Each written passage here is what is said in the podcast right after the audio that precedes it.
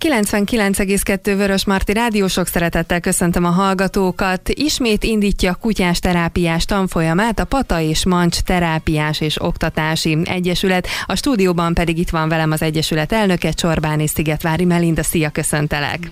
Köszöntöm én is a hallgatókat. Szia. Először az Egyesületről beszélgessünk egy kicsit, a Pata és Mancs Oktatás és Terápiás Egyesületről. Mi az, amivel foglalkozik az Egyesület, és hát mi az a terápia, amivel kapcsolatban ugye a tanfolyamot indítjátok? Az Egyesületünk tíz éve alakult, éppen most májusban ünnepeltük a tizedik jubileumi évünket itt Székesfehérváron, és alapvetően terápiás kutyák képzésével és alkalmazásával foglalkozunk. A nevünkben bent van a pata szó is, nincsen külön ö, lovas ágazatunk, illetve a Fehér Patkó lovas udvarral van egy együttműködésünk, tehát a lovas rész az, az on, onnan. A kutyás terápia jogszabályi háttere is tíz évre tekint vissza. Egy vizsgarendszer van a segítő kutyáknak, azon belül a terápiás kutyáknak. Tehát egyrészt, amikor terápiás kutyákat képzünk, akkor erre a vizsgarendszerre, illetve a vizsgarendszer által meghatározott területekre készítjük fel a kutyát és a felvezetőjét, a gazdáját.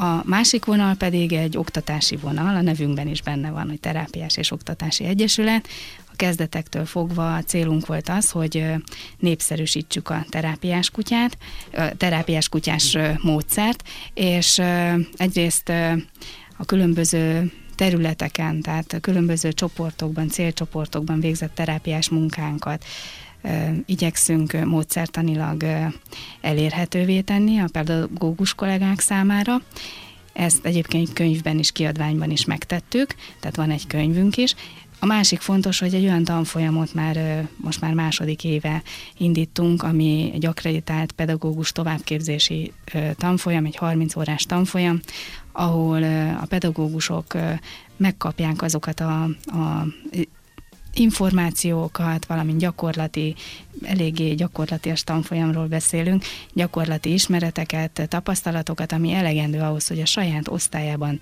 a saját területén aztán tudjon ilyen foglalkozásokat tervezni és vezetni. A kutyás terápiát milyen területekre tudjátok bevinni? Jelenleg így a tíz év távlatában, meg a jelenlegi gyakorlatunkban is itt Székesfehérváron autista gyerekekkel foglalkozunk, értelmileg akadályozott, valamint halmozottan sérült gyerekekkel a gyógypedagógia terén, a logopédia terén, beszédindító terápiákban, dadogó gyermekek terápiájában.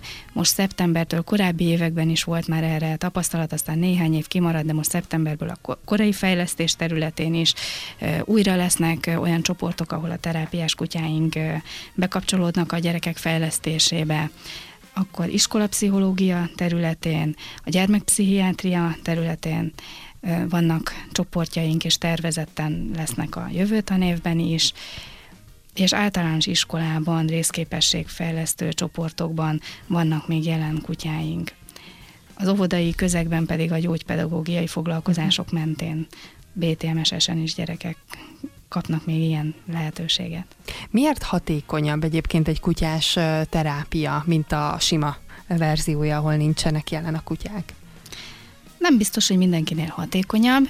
Én azt gondolom, hogy alapvetően, és ez egy nagyon fontos dolog, és ezért is jó, hogy mi ezt pályázati keretekből tudjuk biztosítani, mert innentől kezdve nem a szülők pénztárcája határozza meg, hanem az adott gyereknek az igényei, fejlesztési igényei, a pedagógusok, ha úgy látják, hogy megakadnak a fejlesztésben, vagy kell a kisgyereknek egy olyan plusz, ami esetleg áthidalja, vagy megsegíti azt a folyamatot, ami, ami az ő fejlődését megsegít, vagy segíti megtámogatja, akkor ezek a gyerekek kerülnek be a csoportokba. Tehát sajnos mindenkinek nem lesz lehetősége az adott partnerintézményekben ilyen foglalkozásokra járni, de bízunk benne, hogy azért a leginkább rászoruló gyerekekkel sikerül terápiás kapcsolatba kerülnünk, és őnáluk viszont a figyelmet sokkal jobban lehet felkelteni, fenntartani, a memóriára is nagyon jól lehet hatni. Tehát ezáltal, hogy a gyerekek sokkal jobban fókuszálnak egy adott akár problémahelyzetre, vagy egy feladathelyzetben hosszabb ideig tudnak benne maradni, az emlékek is jobban bevésődnek, tehát a tanulási folyamat nagyban megsegít folyamatot megsegíti a kutya jelenléte, meg az aktív részvétele a feladatokban. Mit, mit tud egyébként egy, egy kutya? Tehát már mint nagyon sok kutyás hallgatónk van, így ha meg kéne satszolnom, hiszen nagyon sok kutyás ember van itt Fehérváron is, de hogy, hogy mi, mi vajon az a titok, amit, amit a kutya tud, és amit mondjuk mi emberek nem, nem úgy tudunk akár megadni egy kisgyereknek, vagy egy sérült embernek, ahogyan azt ő Hát most így, ahogy feltetted a kérdést, az jutott eszembe, hogy egy feltétlen elfogadás. Tehát, hogy a, tényleg a kutyában nincs kritika hm. a, az adott gyerekkel szemben, hogyha éppen elakad a beszéde, és úgy beszél a kutyához. A kutya ugyanolyan boldog tőle, tehát eh, amit esetleg a kortársai között nem tapasztal, meg nem kap meg, a kutyás foglalkozáson pedig eh, csak pozitív élmények érik ilyen foly, folyton, foly, vagy formában a gyerekeket, tehát, eh, de nem csak gyerekeket, felnőtteket is egyébként. Úgyhogy én azt gondolom, hogy ez a feltétlen elfogadás, az, hogy hogy nyitottak a kutyusok, ezek a kutyák, akik ugye már vizsgázott terápiás kutyák, vagy esetleg záróvizsgára készülő, második körös vizsgára készülő, gyakorlaton lévő kutyák, ők azért úgy kerülhettek ebbe a szerepkörbe, hogy eleve volt egy nyitottságuk az ember felé. Tehát ők keresik a kontaktot a, a, a kliensekkel, akikkel éppen terápiás kapcsolatba kerülnek, és hát, hogy általuk is irányíthatóak. Tehát az a feladat típus, amiben mondjuk egy akadálypályás feladat, vagy egy bármilyen olyan logopédiai foglalkozáson, kutyás foglalkozáson összeállított feladat, ott a gyerekeknek is megteszi ugyanazt, nem csak a felvezetőjének, a terápiás kutya felvezetőnek a kérésére, úgyhogy ebben más, mint egy átlag kutyus, de egyébként ugyanolyan családi kutyák, mint a többi kutya. Egy picit beszélgessünk arról, hogy hogyan is néz ki egyébként velük egy terápia, mielőtt rátérnénk magára a tanfolyamra, mert hogy előtte valószínűleg a hallgatók is szeretnének képbe kerülni, hogy miért is lehet elvégezni a tanfolyamot, vagy mit lehet rajta tanulni. Először így próbáljuk meg elképzelni, hogy mi történik. Tehát standa gyanúm, hogy nem az, hogy például egy gyerekcsoportba beengedjük a kutyát, aztán majd ő ott el van magának, hanem azért ennél ez egy sokkal szervezettebb és sokkal tudatosabb folyamat, de hogy akkor egy terápiás foglalkozáson kik vannak jelen, mi történik, mit csinál maga a kutya, vagy mit nem csinál, tehát hogy mit, hogyan képzeljük ezt el. A terápiás foglalkozásoknak ugye az a fő ismérve, hogy egyrészt kiscsoportos formában vagy egyéni formában, de nálunk zömében kiscsoportos formában zajló foglalkozások. A gyerekeknek az egyéni igény, fejlesztési igényeiket is ismeri a foglalkozást vezető gyógypedagógus vagy fejlesztőpedagógus. Ez azt jelenti, hogy nyilván nekik különböző vizsgálati véleményeik vannak, amikben részletesen megvan, hogy milyen területeken kell fejleszteni őket, és ezeket a fejlesztési területeket mi kutyás feladatokban fordítjuk át, amiben különbözően vannak súlypontozva a feladatok. Mondjuk én logopédusként, akkor most inkább egy logopédiai okay. foglalkozásra fókuszálnék, azt vezetném végig. Maga a foglalkozás olyan, olyan 5-6 feladatból áll egy-egy alkalommal, attól függően, hogy milyen korúak a gyerekek, lehet, hogy 30 perces vagy 45 perces foglalkozásról beszélünk. Ugye nekem vannak beszédindítós ö, csoportjaim is, ami azt jelenti, hogy olyan picike három év körüli kisgyerekek, akik bekerültek az óvodába, és nem indult be a beszéd, ott logopédiai módszerekkel, terápiás kutya megsegítésével egy pici löketet próbálunk adni a kisgyereknek.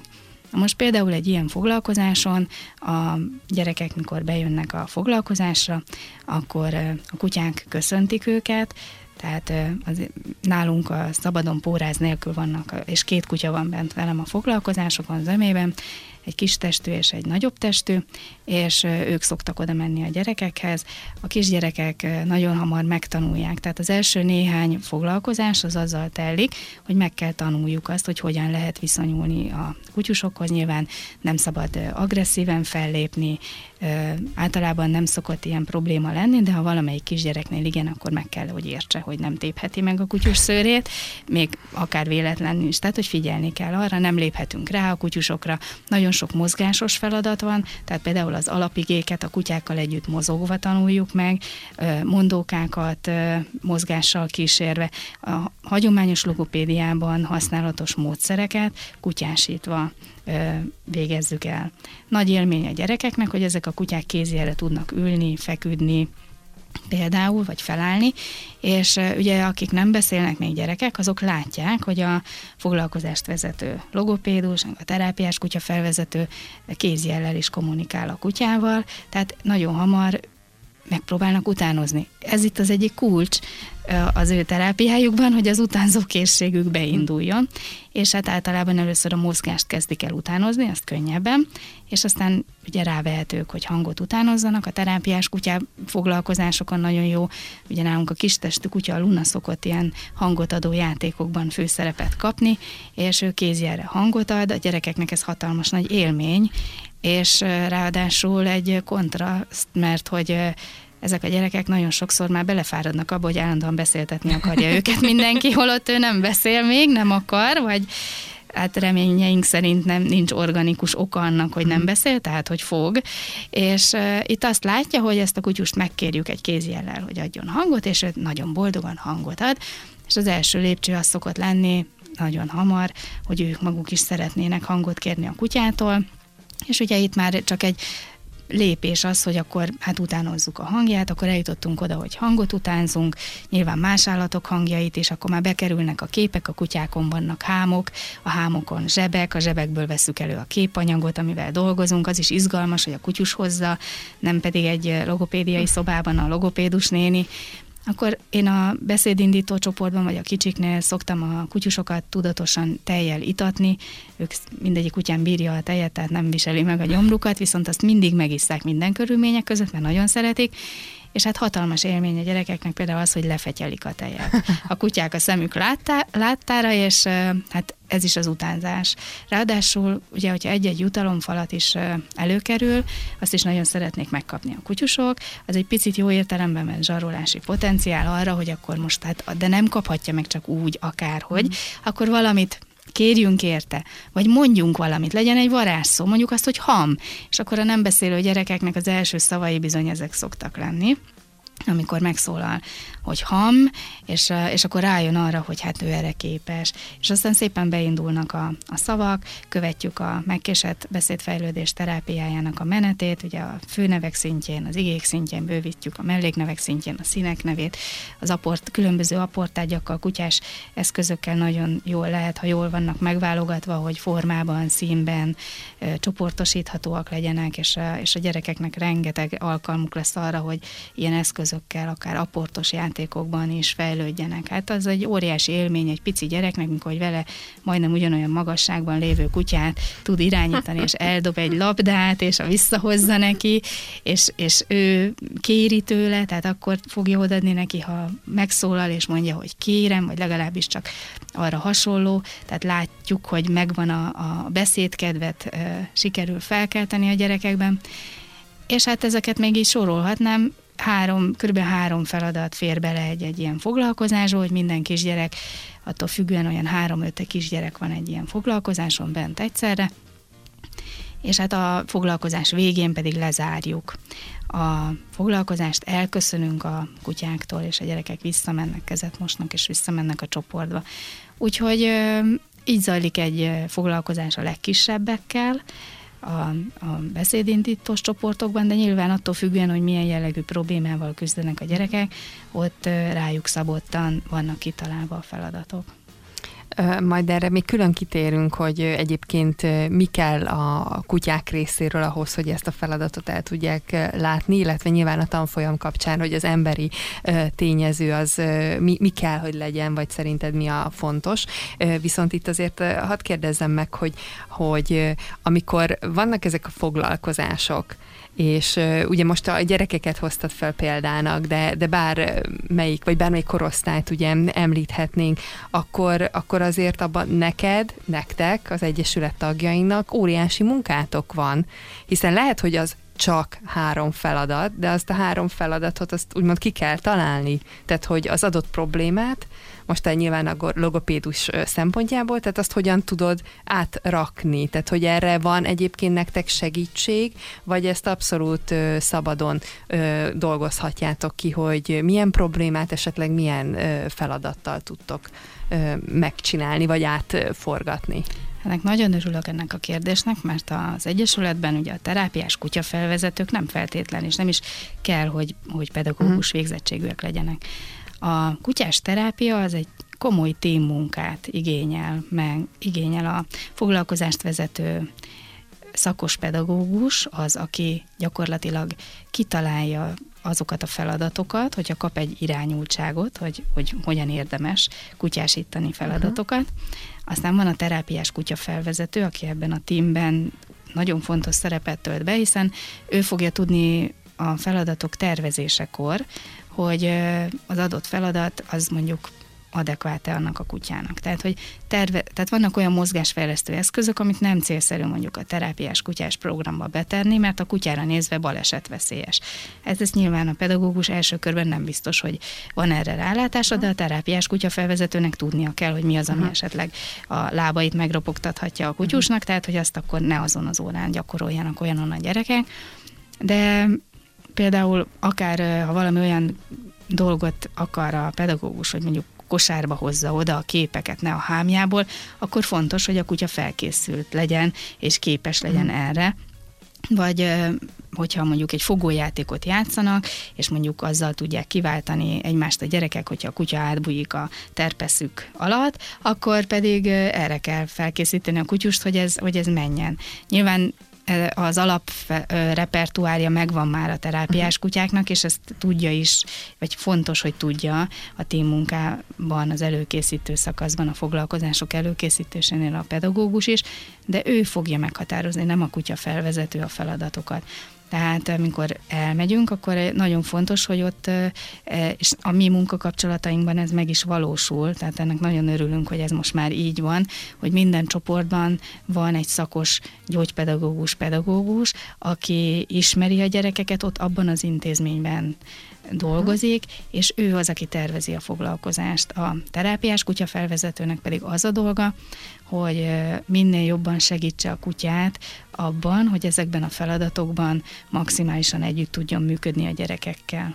Jó, tehát akkor ezekben a terápiás foglalkozásokban mindig van egy pedagógus az adott területenek nyilván, és akkor hozzá társul be a kutyás felvezető, aki viszont a kutyát ismeri, és a kutyát tudja kezelni, és végülis ők ketten fogják kitalálni és kialakítani, hogy hogyan néz ki maga, maga a terápia. Így van, így van. Tehát ez, ezért mondtad, hogy ez egy team munka, tehát itt abszolút csapatban kell gondolkodni, mit igen, lehet és, és mit nem lehet. Ezért is örülünk annak, és most már törekvésünk, hogy a, ez, ezen a tanfolyamon összeszervezzük a leendő terápiás kutyafelvezetőinket és a pedagógusokat, mert hogy ott már van egy lehetőség ennek a team munkának a, az alapjait letenni. Nyilván nem biztos, hogy ők fognak majd a valóságban majd a későbbiekben együtt dolgozni, bár most pont van erre példa, hogy az előző tanfolyamunkon végzett pedagógusnak sikerült most ott csoportot indítani, és így a terápiás kutyafelvezető oda társult be,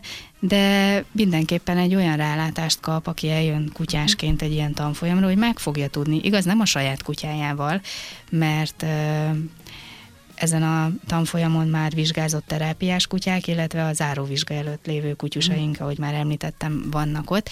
Viszont kipróbálhatják, mert nekik is jó gyakorlat, hogy idegenek irányítják őket, tehát a terápiás kutya felvezető is kipróbálhat egy, egy már magasabban képzett kutyát, hogyan kell irányítani, kipróbálhatja magát a felvezetői szerepkörben a foglalkozásokon, együtt tervezik meg a, az adott feladatokat, felvetünk problémahelyzeteket, erre feladattípust kreálnak, és és utána ezt letanítják a többi résztvevőnek. Tehát nagyon izgalmas és szórakoztató szokott egy-egy ilyen tanfolyam lenni egyébként.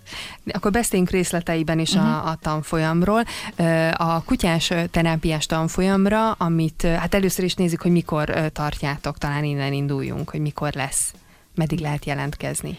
Szeptember 27, 28, 29-e ez egy péntek, szombat, vasárni, vasárnap, tehát három napba sűrítjük bele a tanfolyamot, és itt Székesférváron a Szivárvány óvodában kerül, az ne a mi bázisintézményünk, mondhatom így az évek alatt, és Hát a szeptember közepéig lehet jelentkezni, hogy lássuk, hogy hány csoportban szervezzünk, vagy a szervezési okokból kifolyólag, de már most is vannak komoly érdeklődők, úgyhogy azt javaslom, hogy aki tényleg el szeretne jönni, az minél előbb jelentkezzen, hiszen véges számú a, az indítható uh-huh. létszám a csoportban. Akkor nézzük, hogy kik jelentkezhetnek. Egyrészt a pedagógusok, őket említetted. A pedagógusok akkor ezen a tanfolyamon, hogyha jól értettem, akkor megnézhetik, hogy mi is ez a kutyás terápia, hogyan néz ki, és hogyan tudja, tudnák ezt alkalmazni ugye a saját területükön. Tehát akkor nekik azt hiszem így is fogalmaztad, hogy egy ilyen nagyon jó rálátást ad hogy ez hogyan tudná kiegészíteni az ő, az ő munkájukat. A pedagógusoknak ez a tanfolyam ad-e valami pluszt, úgy értem, hogy végzettségükhöz hozzá ad-e valamit, tehát a pedagógusok oldaláról? Ugye említettem, hogy ez egy akreditált, 30 órás akreditált ö, pedagógus továbbképzés, tehát ez azt jelenti, hogy a 7 évenkénti ö, 120 órából 30 óra jóváírásra kerül. Tanúsítványal zárul a pedagógusoknak ö, ez a tanfolyam. Amit ö, ők ö, azt gondolom, hogy kapnak ezáltal a 30 órás tanfolyam által, az egy olyan rálátás, a saját célcsoportjaikra fogják tudni rávetíteni, hogy mondjuk egy általános iskolai tanító jön, hogy ő az adott osztályában az adott problémás gyerekeknél, ha szeretne ilyen foglalkozást szervezni, akkor fogja érteni a harmadik nap végére, hogy milyen szempontok alapján, hogyan állítson össze egy foglalkozást, és gyakorlatilag meg fogják érteni azt, ami a legnagyobb félelmük szokott lenni a pedagógusoknak, hogy azt gondolják, hogy ez egy újabb szak.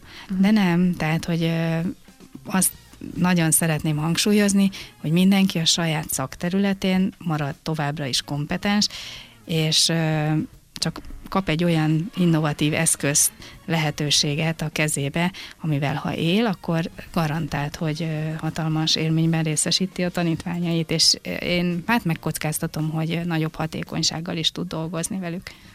A, nézzük meg, hogy kik jelentkezhetnek még a pedagógusokon kívül erre a tanfolyamra. A plakát, amit ugye készítettetek ezzel kapcsolatban, úgy kezdi a felsorolást, hogy ha szeretne valaki a kutyájával segíteni, de nem tudja, hogy ezt hogyan lehet elérni. Ez nekem azt mondja, hogy akkor ha valaki egyébként is kutyás, vagy van otthon kutyája, és esetleg szeretne, szeretné önmagát is kibontakoztatni egy kicsit, akkor ő is elmehet erre a, erre a tanfolyamra, viszont már említetted, utaltál rá, hogy attól függetlenül ez nem saját kutyával történik. Tehát, hogyha valaki, valaki nagy kutyás szeretne, és mondjuk tud is bánni a kutyákkal, akkor ő is elmehet? Így van. A, tehát ahogy így már említettem korábban, a, most már uh, tudatosan a leendő terápiás kutya felvezetőinket ebbe a képzésbe uh, bevonjuk. Egyrészt olyan szempontból, hogy aki mondjuk most döntötte el, hogy na ősztől eljönne a tanfolyamunkra, de még egyébként a kutyájával nem kapcsolódott be a terápiás kutya kiképzési programunkba, akkor nyilván az ő kutyájának nem lesz szeptember, két hónap múlva elsőkörös vizsgája, tehát a saját kutyáját nem fogja tudni behozni a tréningre. Viszont, ahogy említettem, lesznek ott olyan már vizsgázott terápiás kutyák, meg záróvizsga előtt álló más kutyák, akiknek lesz jogosultsága már egy nevelési oktatási intézményben, ilyen szerepkörben ott lenni, és az ő irányításukban kipróbálhatja magát, és kipróbálhatja magát abban is, hogy hogyan tud együttműködni egy pedagógussal, tehát közösen fognak pedagógusok és leendő terápiás kutyafelvezetők feladatokat megtervezni, eszközöket kiválasztani az adott feladathoz, és utána ezeket lebonyolítani, ezeket a feladatokat a többi, nem gyerekeknek, hanem a többi tanfolyamon résztvevő kollégájuknak. Hát mindenképpen azt gondolom, hogy aki ezt szeretné, és elég elhivatottságot érez ahhoz, hogy ezzel komolyan foglalkozom, mert ez egy másik beszélgetés is lehetne, hogy mekkora elhivatottság kell ahhoz, hogy tényleg valaki, mikor végigcsinálta, levizsgázott a kutyájával, és akkor a mindennapi gyakorlatban is, akkor tényleg elmenjen heti rendszerességgel különböző célcsoportokba, ehhez nagy elhivatottság kell hogyha valaki úgy gondolja, hogy ő tényleg szeretne akár kórházi látogatóprogramba, vagy gyermekotthonba, vagy idősek otthonába, vagy hogyha olyan a munkarendje, hogy megteheti azt, hogy a nevelési oktatási intézményekben, gyógypedagógiai terápiákba segíteni a kutyájával, akkor érdemes ebbe belevágnia, és ennek nálunk az első lépcsőfoka az, hogy ilyen tanfolyamra eljöjjön. Van is inkább, mert még mindig rájöhet, hogy mégsem neki való. Tehát azt biztosan fogja tudni a tanfolyam után, hogy igen, én ezt szeretném csinálni a kutyámmal, vagy ez egy nagyon jó dolog, de mégsem nekem való. Tehát erre választ fog kapni. Később ez működhet egyébként a saját kutyával is akkor? Tehát, hogyha... Igen, be tud kapcsolódni a kiképzési programunkba, és akkor, hogyha a kutyája alkalmas uh-huh. valóban arra, hogy terápiás kutya legyen, akkor fel fogjuk őket készíteni, és a első körös, majd a gyakorlat után záróvizsgát fognak tudni tenni. Ez körülbelül egy-másfél éves uh-huh. folyamat. Attól uh-huh. függ, hogy a tanév mely időszakában kapcsolódnak bele. Ha bár később akartam rá kitérni, de már mégiscsak a kutyákra kérdeztem rá, akkor itt maradván egy picit. Oké, okay, hogy egy ilyen egy-másfél éves időt be kell kalkulálni ahhoz, hogy valakinek a kutyája terápiás kutya lehessen, de ehhez alapvetően a kutyának kell bármilyennek lennie, vagy hogy tényleg így fogalmazzak, hogy egy egyszerű mezei ö, kutya, bármilyen fajta, bármilyen típus, ö, bármennyire már tanult, vagy tanított ö, kutya, vagy tényleg teljesen mindegy, mert terápiás kutyát bármelyik kutyából lehet csinálni. Ó, jó, jó sok kérdést tettél fel egyszerre. A kérdés igazából Igen. megpróbálom értem, hogy értem. rövidíteni a hallgatóknak is, csak hogy így egyfelé tudjanak ők is fókuszálni. Tehát, hogy bármelyik kutyából lehet-e mhm. terápiás kutya?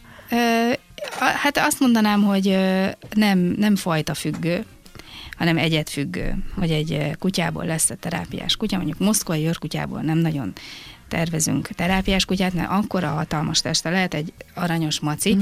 de ott, ha mégis bármi bekattan, nincs, aki megfogja. Tehát, hogy ezt nem, nem gondolnám, hogy felelősen szabadna moszkvai őrkutyából terápiás kutyát csinálni, de most ne haragudjanak meg rám, akiknek ilyen kutyájuk van, csak tényleg a méret miatt mondtam, azt általában tudjuk, hogy de alapvetően én, az a nagyon fontos, hogy a kutya és a felvezetője együtt vizsgáznak.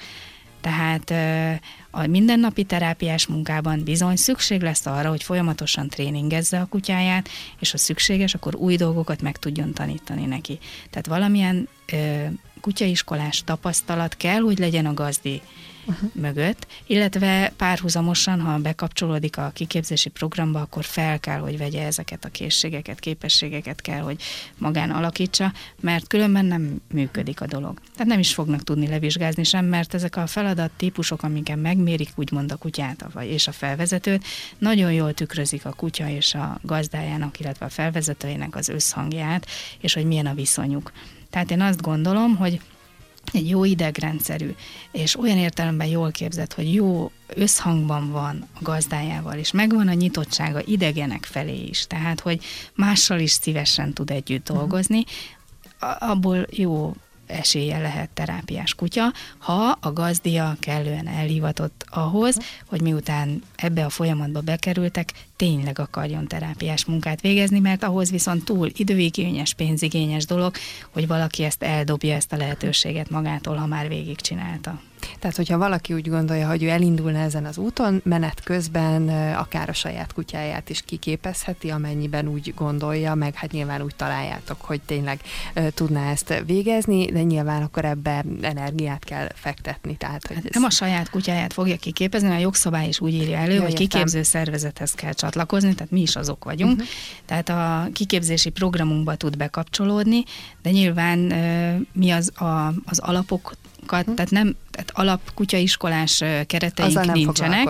Így van, tehát kell egy kutyaiskolás. Tehát hm. az alapokat, akár egy kölyök kutyától, ha nézzük, ha valaki tudja, én is annak idején tudtam, hogy szeretnék ezzel foglalkozni, mikor 8 hetesen hazahoztam az első kutyámat, és akkor nyilván én is elmentem kutyakiképzőkhöz, uh-huh. én magam is elmentem tanfolyamokra, hogy képződjek, tehát fontos volt számomra, meg rá is jöttem elég hamar, hogy nem csak a kutyának kell képződnie, tehát ezt nem tehetem meg, hogy odaadom valakinek, hogy képezti a kutyámat, és szólja kész van, mert akkor elmegyek vele vizsgázni, hanem hogy nekem kellett felzárkóznom arra a szintre, hogy képes legyek egy ilyen helyzetben a kutyámat irányítani, uh-huh. tehát meglegyen közöttünk az összhang, hogy kontrollált és irányítható kutyával tudjak vizsgázni. Tehát e, ez a cél. Visszatérve a tanfolyamra, egy harmadik jelentkezési kategória, mondjuk úgy, a szülőket is megemlítitek a, a plakáton, hogyha valaki új fejlesztési lehetőséget keres például a gyermeke számára. Ha egy szülő elmegy erre a tanfolyamra, akkor ő mit kap ezáltal? Neki miért lehet jó? Nagyon sok olyan megkeresésünk van így a tanév során.